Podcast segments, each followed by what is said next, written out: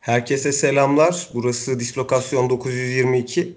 Bu akşam konuğum Deniz Sandağdelen ile Fener Analiz programında Fenerbahçe Galatasaray derbisini konuşacağız. Denizhan hoş geldin. Hoş bulduk Oğuzhan sen de hoş geldin. Nasılsın abi? Ben değil abi sen nasılsın? Yani e, sonuçla beraber pek iyi hissettiğim söylenemez kendimi. İstersen Fenerbahçe'nin ilk 11 e, tercihi, Ersun ilk 11 tercihi ve oyun planıyla başlayalım. Tabii olur. Ee, yani şimdi şöyle e, maçın tamamen psikolojik ve sonuçtan sonraki e, durum haricinde sağ içine inersek eğer ki zaten aslında bu sonucu belirleyen e, bir iki hafta öncesindeki o e, nasıl söyleyeyim daha doğrusu Trabzonspor maçından sonraki süreçte e, hem takımın moral motivasyon o Alanya maçının e, da araya girmesi e, hem de Ankara gücü maçından Ankara gücü maçından sonraki e, Ersun Yanal'ın e, teknik direktörün melekelerini yitirmiş olmasından dolayı e, bir süreç vardı. Bugün de aslında onu gördük. Yani futbolun e, futbol bir matematik değildir ama futbolun matematiği basittir. E, bu matematiği e, son bir aydır falan hiç göstermiyor Ersun Hoca. Aslında gösteriyordu. Bazı maçlarda çok saçma e, maçın senaryosuna e, maçın senaryosunda giden çok saçma hamleler olmuştu. Hem oyun ve hem oyuncu bireysel anlamda hem de kurgu anlamında yaptığı e, hamlelerle. E, fakat puan gelince, puanlar gelince, iş çözülünce bunlar absorbe edilmişti aslında. E, geçen hafta Ankara gücü maçında ee, yani kimse kusura bakmasın ama buradan ukalalık yapmak istemem. Ee, ama bir şeyi biz görüyorsak buradan bir antrenörlük lisansı olmadan hocanın da görmesi lazım. Ee, büyük bir aptallık, büyük, büyük bir yanlış vardı. Ee, bugün de o e, ilk 11'deki e, aptallık yine devam etti. E, neydi o aptallık? Şimdi e, ben şöyle gideceğim. Fenerbahçe'nin ilk 11'indeki hücum hattı. Hücum hattındaki oyuncular e, Vedat Muriç, Kuruse, solda Tolga Ciğerci, e, sağda Nabil Dirar, e, orta saha merkezinde de Tolga Arslan gibi derin oyun kurucu, e, bir yanında Ozan Tufan gibi iki önlü orta saha dediğimiz profilde oyuncu. Şimdi Galatasaray'daki hücum hattına bakalım. E, Fegoli, Onyekuru, Falcao arkasında veya merkez orta sahada Belhanda, Yanında Ömer e, ve e, stoperler önünde de e, yani üst stoper gibi oynadı bugün. E, geçen sene de birlikte yayın yaptığımızda söylemiştim. Orada arasını, stoperlerin arasına girip oyun kuran Lemina yerine bugün seri o e, görevi, o rolü üstlendi. E, şimdi şöyle Nabil Dirar e, özel yeteneği ezber boş e, ezber bozan e, işi e, ne bileyim uzaktan şutları rakibi tehdit etmesine ben mesela 20 üzerinden kaç veririz? Ben şahsen 10 veririm. Ee, diğer taraf geçtiğin bile söylenebilir hatta. Evet yani aynen öyle. Tolga Ciğerci'ye 20 üzerinden kaç veririz? Ben 5 veririm. Ee, evet. Max Kruse'ye kaç veririz? Ben 10 üzerinden 6 veririm. Ya da 20 üzerinden 15-16 veririm. Ee, geliyoruz merkez orta sahaya. Tolga Arslan'a e, bu dediğim şeyleri e, yapması özelinde 10 üzerinden kaç veririz? Ben ona da 5-6 veririm maksimum. Ozan da keza böyle. Şimdi sen zaten e, Galatasaray'ın e, Galatasaray'ı izlemiş olman lazım ki bu adamların ikinci yarı ve hatta ilk yarının son haftası Antalya Spor maçından sonraki oyun planını, oyun kurgusunu görmüş olman lazım. Ki bunu görmüştür zaten. Yani o kadar da olabileceğini tahmin etmiyorum. E, fakat şimdi bu adamlar orta sahada zaten topu çok iyi tutacak e, oyunu yönlendirecek. Geçiş oyunlarına da e, Emrak Baba'ydı bugüne kadarki süreçte. Bugün Belhanda e, ve Ömer Bayram'ı iki tane kanat e, oyuncusu gibi aslında e, iki yönlü orta saha gibi çizgi atıp hem kanat bekine hem de kanat forvetine destek veren, toplu ve o topsuz oyunda destek veren profilde oynatıyor. Demek ki top Galatasaray'da kalacak. Çünkü neden? E, bunları geçelim. En büyük artısı seri ya da Lemina. Onların stoperlerine girip geriden merkez orta saha orijinli bir oyuncu oyunu kuruyor. Ee, şimdi maçın o 30. saniyesinde yanlış yanlış hatırlamıyorsam Onyekuru'nun pozisyonu vardı maç başlar başlamaz. Oradaki evet. pozisyon geriden oyun kurmak nedir onu gösterdi Galatasaray. Marka topla birlikte defanstan baskıdan çıktı. Ee, çok güzel bir pas şiddeti, çok güzel bir pas zamanlamasıyla Belhanda'yı bıraktı. Belhanda aynı güzel pas zamanlaması ve şiddetiyle Onyekuru'nun önüne top bıraktı. Ya bu Galatasaray'ın Onyekuru geldikten sonraki süreçte ve hatta yine söylüyorum Antalya Spor maçı ligin ilk yarısındaki son maçla birlikte Galatasaray'ın her maç 20 kere denediği şey. Abi sen hala bunda bir önlem alıp buna e, absorbe etmek için bir şey yapmıyorsan bu senin e, kimse kusura bakmasın ama teknik direktör olmadığını gösterir.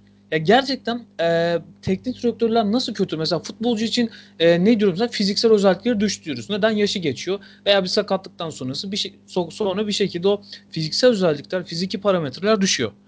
E, teknik direktöründe böyle bir şey var. Ersun Yanal e, 2013-14 senesinden sonraki süreçte e, inanılmaz kötü bir teknik direktör olmuş. E, yani Galatasaray topu alıyor zaten. Senin orada bütün işin Galatasaray'ın oyununu orta sahada bozmak. Ya bunu Tolga Ciğerci, şey pardon Tolgay Arslan gibi bir e, salt bir e, tırnak ucuyla pres yapan bir altı numarayla yapamazsın. Tamam Tolga Ciğerci'yi sol kanada koyuyorsun. Orta saha merkezine top rakipteyken alan savunması birlikte e, artı bir yazıyorsun. Okey. E ama Tolga, Tolga Arslan varken oradan yapamazsın bunu. Çünkü adam asla pres... Ya bu arada mesela az önce söylediğim şeyler var hani e, ezber bozmak, yaratıcılık gibi bunlar kaç puan verirdi. Abi bu oyunculardan suç değil ya. Suç oyuncularda asla değil. Yani çünkü oyuncuların kapasitesi var. Yani Tolga Ciğerci bu. Tolga Ciğerci'den fazlasını göremeyiz. Tolga Arslan bu. Ne bileyim Nabil Dirar bu. Yani bu oyuncuların e, kapasitesi bu kadar. Zaten sen e, çok elinde inanılmaz e, nasıl söyleyeyim versatil bir oyuncu grubun olmadığı için bunu iyi kullanman lazım. Burada da senin teknik direktör melekelerin ortaya çıkması lazım ama öyle bir meleken olmadığı için böyle de 20 yıl sonra içeride 3-1 maçı kaybediyorsun tabii. Diğer tarafta da bu arada bunu da söyleyeceğim. Diğer tarafta da müthiş bir teknik direktör becerisi var. Harika bir hoca becerisi var. Müthiş kurgulanmış bir oyun. Harika bir e, motivasyonla çıkılmış maça. E, 1-0 geriye düştükten sonraki süreçte de çok iyi idare ettiler. Maçın tamamını öyle idare ettiler ama 1-0 Kadıköy'de 20 yıllık 20 yıllık bir e, kazanamama e, gibi psikolojik durumunda e, hani rafa kaldırarak ona rağmen çok iyi idare ettiler e, şahane bir gerçekten oyun kurgusuyla planla çıkmış. Plan takır takır işledi. Diğer tarafta da olayı hiç oynamayan bir e, antrenör var tırnak içerisinde. E, bu sonucun böyle olması çok normalde aslında geçen haftadan belliydi. Yani Perşembe günü çarşambadan bellidir. E, Arsenal büyük bir e, teknik direktör kaybı olarak Türk futbol tarihine geçti bugün itibariyle. E, kendi görüşümde şu şekilde bir önceki programda seninle konuştuğumuzda e, Fenerbahçe'de Luis Gustavo'nun eksikliği nasıl kapatılabilir hatırlıyorsun programı. Hı hı. Hiçbirimiz Tolga Arslan'ı düşünmemiştik açıkçası. Tabii. E, orada henüz Rami gönderilmemişti. Adil Rami ya da Falet'in stopere çekilerek Jason'un öne atılması e, ihtimali üzerinde durduk. Hatta Ferdi'nin ya da Deniz'in kanatta başlayıp Tolga'nın merkez orta saha pozisyonda oynayacağının üzerinde durduk. Asla aklımıza gelmeyen bir şeydi Tolga Arslan'ın ilk 11 başlayacağı. Ee, orada büyük ihtimalle şöyle bir şey düşünüldü. Ee, şimdi Fenerbahçe'nin iç sahada ön alan baskısını ve presini iyi uyguladığını hepimiz biliyoruz. E, tabii Fatih Terim de bunu biliyor. Şimdi Fatih Terim de bunu bildiği için Emrak Baba ile değil de Belhanda ile başladı. E, Fenerbahçe'nin presini, tahmin ettiği presini e, kaliteli ve e, kısa tek paslarla kırdıktan sonra bir anda o orta bloğu e, kendi yarı sahasında bırakıp hızlı bir şekilde, keskin bir şekilde atakları çıkarak Feguli'yi özellikle Henry Onyekuru'yu savunmanın arkasına kaçırabilecek alan yakalamak üzerine kurulu bir oyun planı vardı Galatasaray. Yani o yüzden Belhanda haftalar sonra e, ciddi bir şans buldu. Emrak Baba'nın yerine tercih edildi. Şimdi senin presini, e, baskını pas oyunuyla kıracağını gösteren bir Galatasaray varsa eğer o zaman o kadar şiddetli bir pres yapamazsın ki e, kalene kolaylıkla gelemesinler. O yüzden Tolga'yı tercih ettiğini düşünüyorum. Hani oyunu birazcık tutalım, demlendirelim, rakip yarı sahaya yerleşelim. E, normalde aslında bu mantıklı bir hamle ama Tolgay bunu yapabilecek seviyede değil artık. 2 sene, 3 sene önceki Tolgay'la bunu anca yapabilirsin. Hal böyle olunca senin kafandaki oyun planı doğruya birazcık yakın olsa bile bu gerçekleştirilebilecek, uygulanabilecek bir şey değil. Defaktoya yansıyabilecek bir şey olmayınca nitekim 5. dakikada Galatasaray Fenerbahçe'nin kalesine 3 defa geldi. Ve ee, hani şöyle bir görüntü oluştu bir anda. 3 pas yapan, 4 pas yapan soluğu Altay'ın önünde alıyor. 10. 15. dakikada birazcık Fenerbahçe oyunu dengelemeye çalıştı. Ondan sonra başka bir e, oyun yaşandı tabii. Galatasaray'ın baskısını birazcık kırdıktan sonra Fenerbahçe zaten el yüzü düzgün ilk rakip yarı sahaya ulaştığında hızlı ve seri paslarla o Galatasaray savunmasının dengesiz yakalanmasıyla birlikte de bir penaltı kazanıldı. Az önce bahsettiğim gibi Galatasaray 1-0 geri düştükten sonra oyun e, mantalitesine, oyun planına hiç aykırı davranmadan son derece sakin, bilinçli, ne yaptığını bilerek oyuncular e, teknik direktörlerin onlara söylediği, verdiği taktiği uygulamaya devam ettiler. E, bir şekilde bir de buldular. E, iyi gittiler ama ben şöyle düşünüyorum. Maçın ikinci yarısında e, penaltı pozisyonuna kadar maç sanki beraberliğe bağlanmış gibiydi. Hani bitse bitse bir bir biter diye düşündüm ben maçı. E, bir anda Onyekuru'nun patlayıcı gücüyle birlikte kazandırdığı penaltı takımına o, o değişikliğe de çok kötü tepki verdiği kanaatindeyim ben Fenerbahçe'nin. Sana şimdi onu sorayım. Yani maç 2-1'e geldiğinde dakika 80 e, koca bir 10 dakika var. O zaman eklenecek en az bir 3-4 dakika var. O olaylar henüz yaşanmamıştı çünkü hatırlıyorsun sen de. Yani senin önünde bir 14-15 dakika var. Bir anda Hasan Ali oyundan alındı. Yanılmıyorsam Mevlüt girmişti yerine. Ee, 1-2'ye geldikten sonra skor Ersun Yanal'ın gösterdiği tepkiyi konuşalım birazcık şimdi seninle. Yani şimdi şöyle bir şey var. Oradaki oyuncu değişikliklerinden ziyade oraya kadar gelinen süreci aslında konuşmak lazım. Çünkü e, ya bu arada şöyle bir şey var. Şimdi e, Fenerbahçe sezon başından beri iç sahadaki maçlarda e, top hamleyi çok oyuncuyla e, iyi fizik kaliteli, bireysel fizik kalitenin iyi olması birlikte e, top hamleyi çok oyuncuyla yapan bir Fenerbahçe vardı iç sahada. E, ki bu normal. Ya bu doğru da bir şey iç sahada. Evet okey ama e, iç sahadaki o presi e, doğrusu bu çok oyuncuyla o topa presi nasıl yapabilirsin? Şöyle yapabilirsin. E, sadece 2-3 oyuncunun oradaki topun olduğu alana e, topa birlikte 2-3 kişinin hamle yapması pres olmuyor onun arkasındaki oyuncuların asıl e, konumlanması, savunmada nasıl dizildiği önemli. Ya mesela e, Liverpool'u hani Liverpool en üst seviye ya Liverpool'un presini tanımlarken herkes şundan bahsediyor. Hücumdaki oyuncular pres yapıyor onların top kazanması birlikte. Hayır abi. O takım boyu çok kısalıyor. Şimdi Fenerbahçe'nin en büyük sorunu büyük rakiplere karşı özellikle e, daha sonra şöyle büyük rakipler değil de pas yapan takımlara karşı en büyük sorunu bu zaten. Yani orta sahayı o presten kurtulan her takım çok rahat geçiyor. Evet. Bunun da en büyük nedeni takım boyu. Ya bu doğru bir şey. Presi savunma çizgini en önde kurman, e, arkada bir 40 metrelik boş boşluk bırakman bu okey. Ama önemli olan orada oradaki boşluğu e, yani orada savunmanın stoperlerin hızlı olup olmaması değil mesela. Ön, ön tarafta presi nasıl yaptın ve o e, fundamental'ı nasıl ayarladığın önemli. Yani sen savunma çizgisini e, geride kurup e, top rakipteyken geride kurup e, so, şey hücum hattında ki Pires'i de e, o, en, en uç en uçta en ileride kurduğunda arada bir 50 metre 40-50 metre boşluk oluyor. Bugün o vardı. Bugün onun için Galatasaray orta sahada çok rahat topu hükmetti. Çok rahat topu çevirdi. Yani bütün mesele aslında o pres gücünde en öndeki oyuncular değil arkadaki oyuncuların nasıl konumlandığı o mesafe. Fundamental dediğim şey mesafe. E, o yüzden hani oraya gelen e, oraya geldiğim gelmeden süreç aslında böyleydi. E, ondan sonraki süreci de ya zaten e, Ersun Yanal'ın e, atılmasından sonra zaten şöyle bir şey vardı yani Ersun Yanal da maça e, bir maçın içinde değildi. Yani hiçbir şey yapamıyordu. Hani çok da böyle inanılmaz bir fark e, gerçekleşmedi. E, o yüzden çok da bir şey diyemeyeceğim açıkçası. Yani zaten hoca varmış yokmuş çok da belli değildi. E, ama tabii bunun yine en büyük nedeni e, ya baştan sona hani Arsenal'a verilen kadro e, iyi bir kadro mu? Asla değil. Hocaya bir şey diyemem. E, ama o bu kadroyu elindeki e, bu kötü de olsa vasat da olsa bu kadroyu nasıl kullandı? Berbat kullandı. E, burada Arsenal'a yazarım e, bütün faturayı.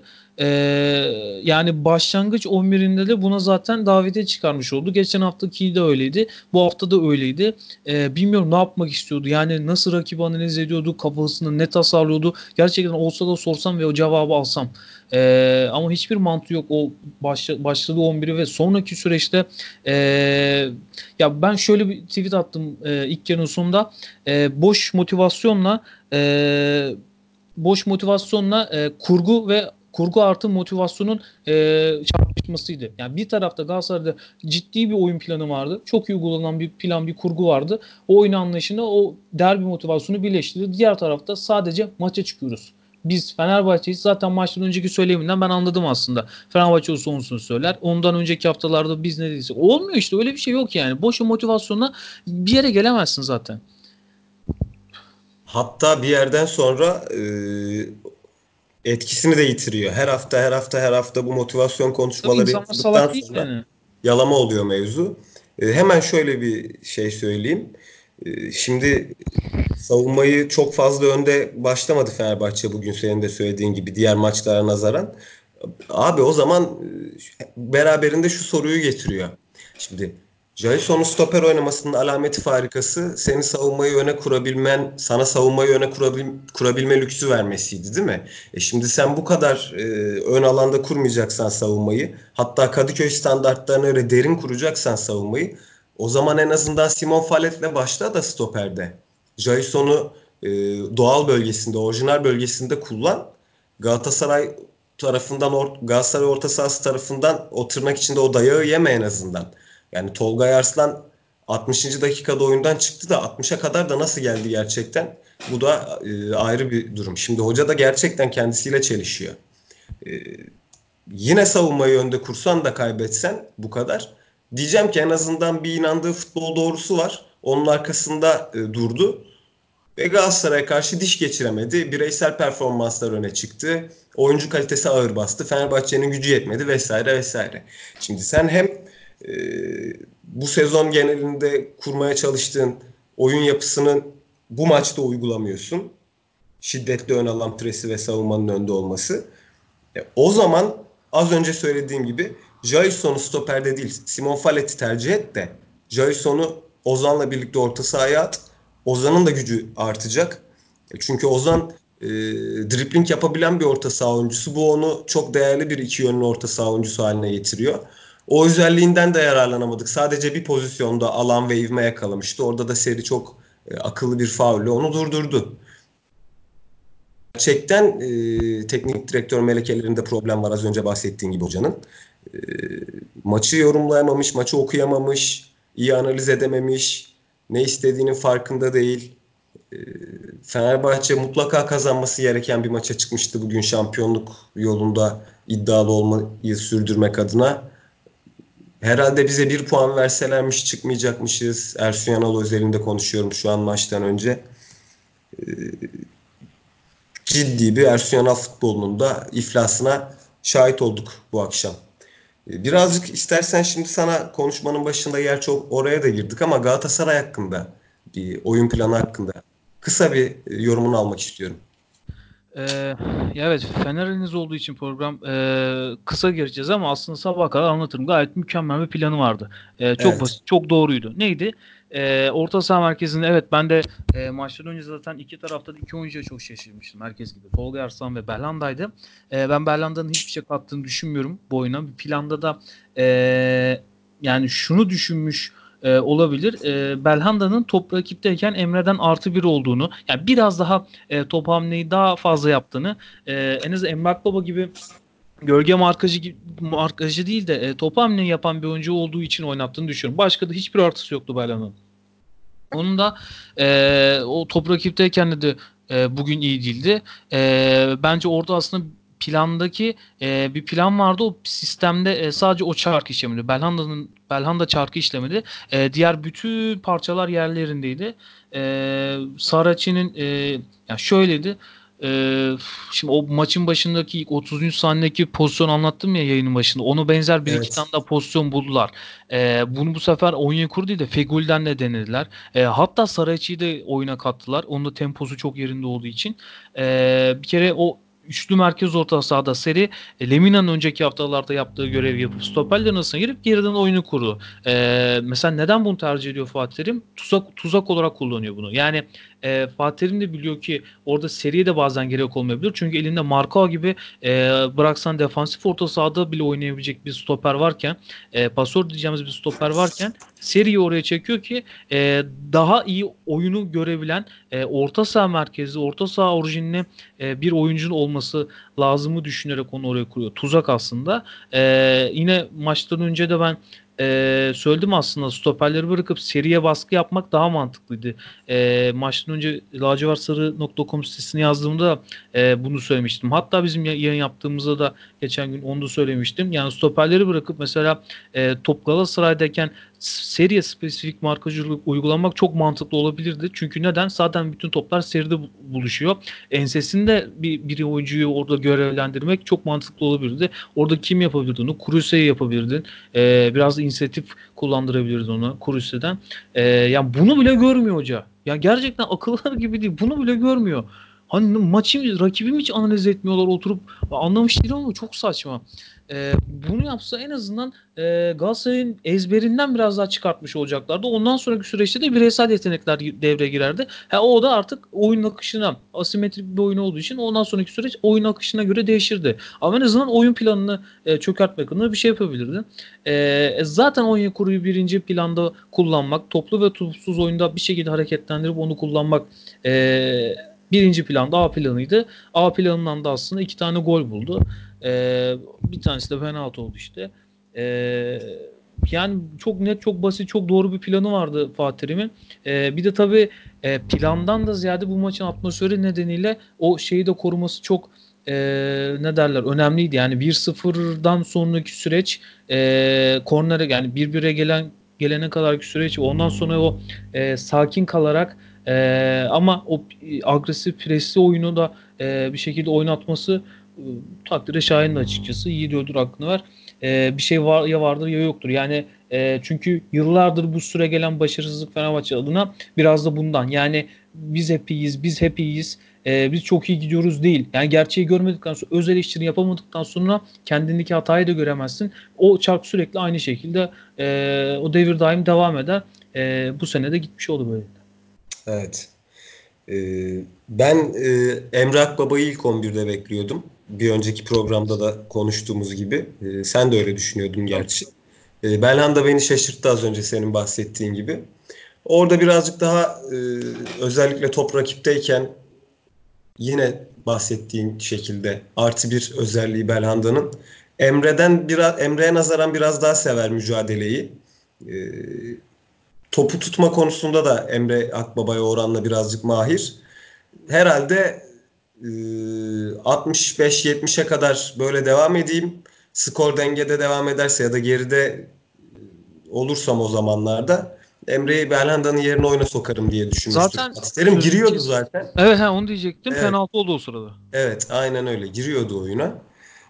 Onun haricinde Galatasaray hakkında söylediklerine katılmadığım bir nokta yok e, başarılı bir oyun, ne istediğini bilen, nasıl e, üstünlük sağlanır, güçlü yanlarımız nelerdir onları e, bilen bir ekip Galatasaray. Bu maç özelinde Fatih Terim. Başarılı bir e, oyun çıkarttılar hep e, oyuncusundan teknik direktörüne kadar. E, dedikten sonra e, Fenerbahçe'de e, mağlubiyetin, kötü oyunun faturası kime kesilir? Bunu konuşmak istiyorum seninle.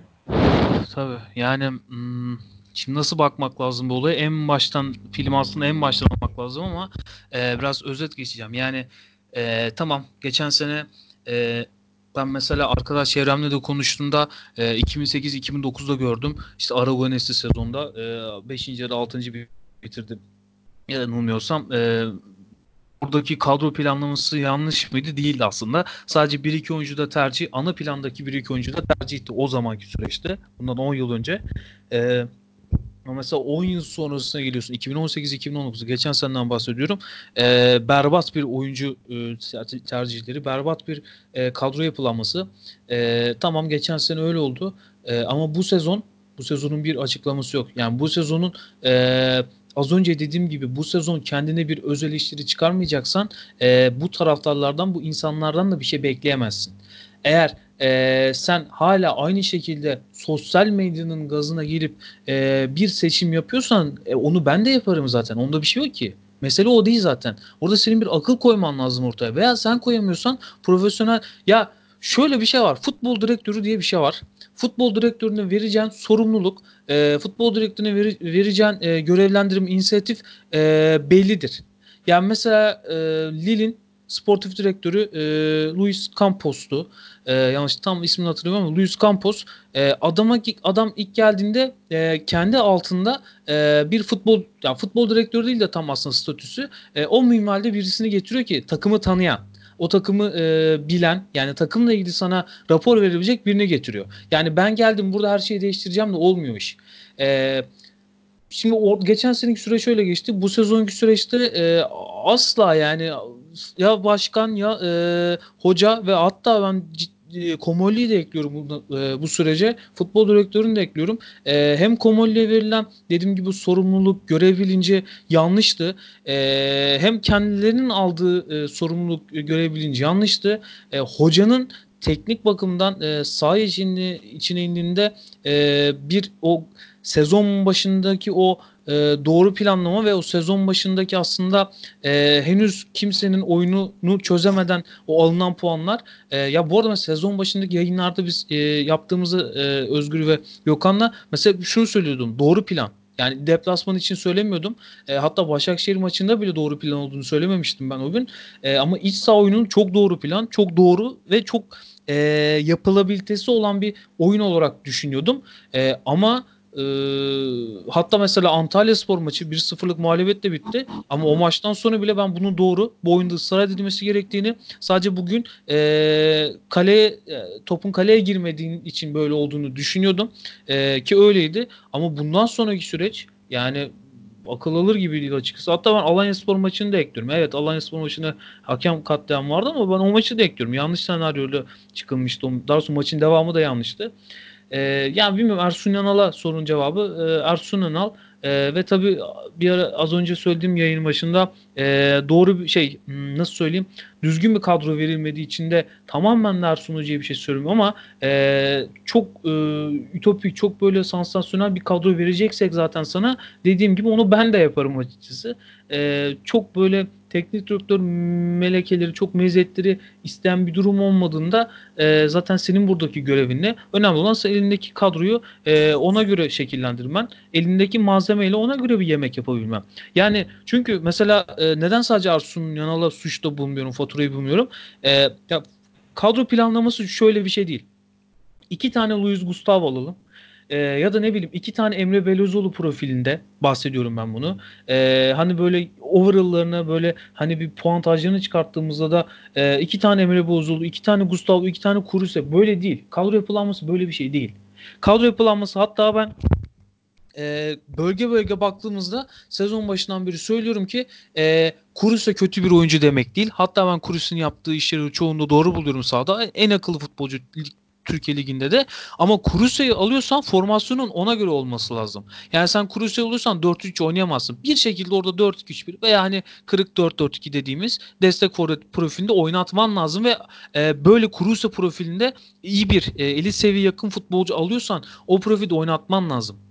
Ee, onun için dediğim gibi yani kadro mühendisliğini de yanlış anlıyoruz ülke olarak. Ee, onun sonucu da böyle bir kadro çıkıyor ortaya. Ee, oynatmadığın oyuncuların değerleri düşüyor.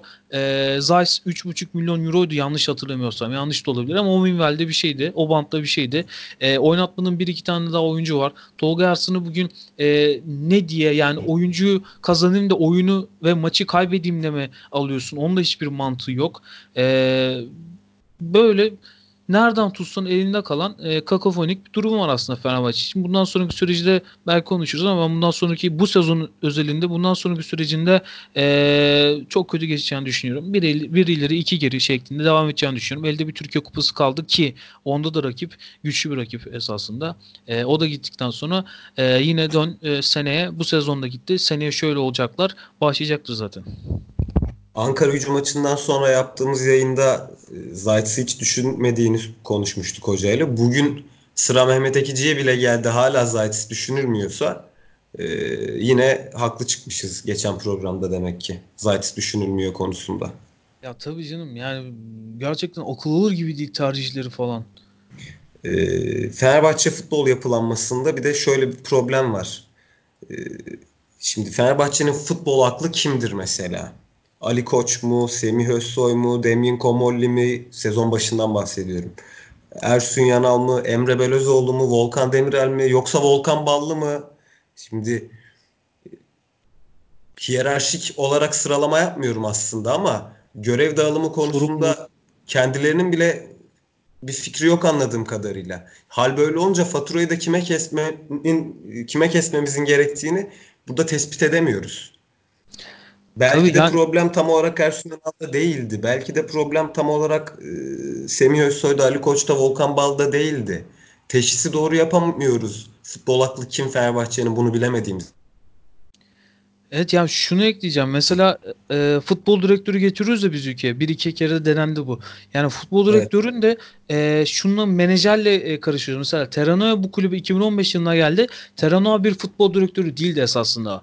Terano bir menajerdi. Çünkü bu adamın e, network'ü inanılmaz dünya üzerinde e, dünya network'ü inanılmaz geniş bir adamdı. Yani e, o dönemin başkanının Aziz Yıldırım o dönemde e, örnek veriyorum yani 2-3 telefonda e, ya da 4-5 telefonda aralarını bir, bir e, araya birilerini sokup Van Persie'ye e, ulaşırken Terano bir telefonda Van Persie veya menajerine ulaşıyor ve işi bağlıyordu. Şimdi futbol direktörü böyle bir şey değil. Bu menajerlik, bu, bu bir network.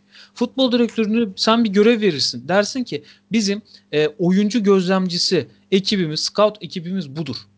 E, sen bunlarla çalışacaksın e, ve bu adamların raporları doğrultusunda diyeceksin ki bunları bunları alabiliriz. E, bunların raporları olumlu. E, bunları menajerleriyle gidip görüşmeye geçersin. Bir şekilde o transferi gerçekleştirirsin. Hiçbir sorumluluk yok dediğin gibi. Kimde sorumluluk hiç belli değil.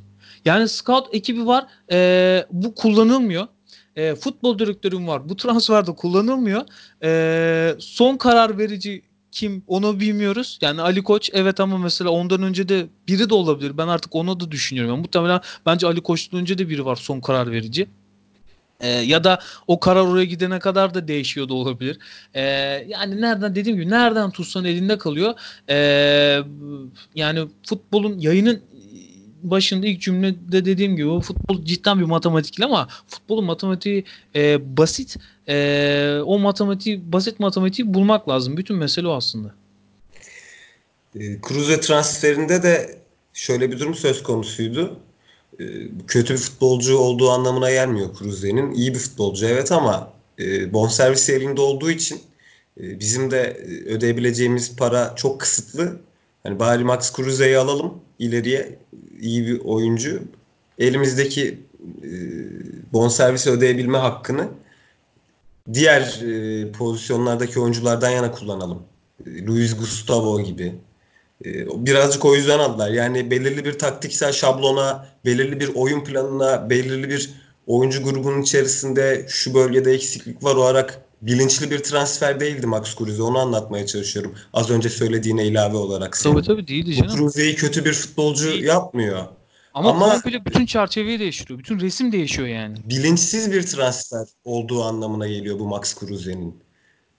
Yani... Tabii mesela dersin ki e, mesela Arsun Hoca derdi ki e, yani ne olursa olsun ben Kurus'u istemiyorum. Raporu çok dolumlu olsa evet ama ben Kurus'u istemiyorum. Ben 4-3-3 e, oynatıp iki tane çok tempolu orta saha merkezimde iki tane e, half space oynayabilecek e, skorer bir iki tane kanat forvetimle evet. ve, ve de onun rotasyonunda ben böyle oynamak istiyorum da diyebilirdi. Ya da bunu dedi de e, Ersun dinlenmedi. Orada da e, onun için diyorum hani Ersun Yanal'ın da belki suç olmayabilir diye.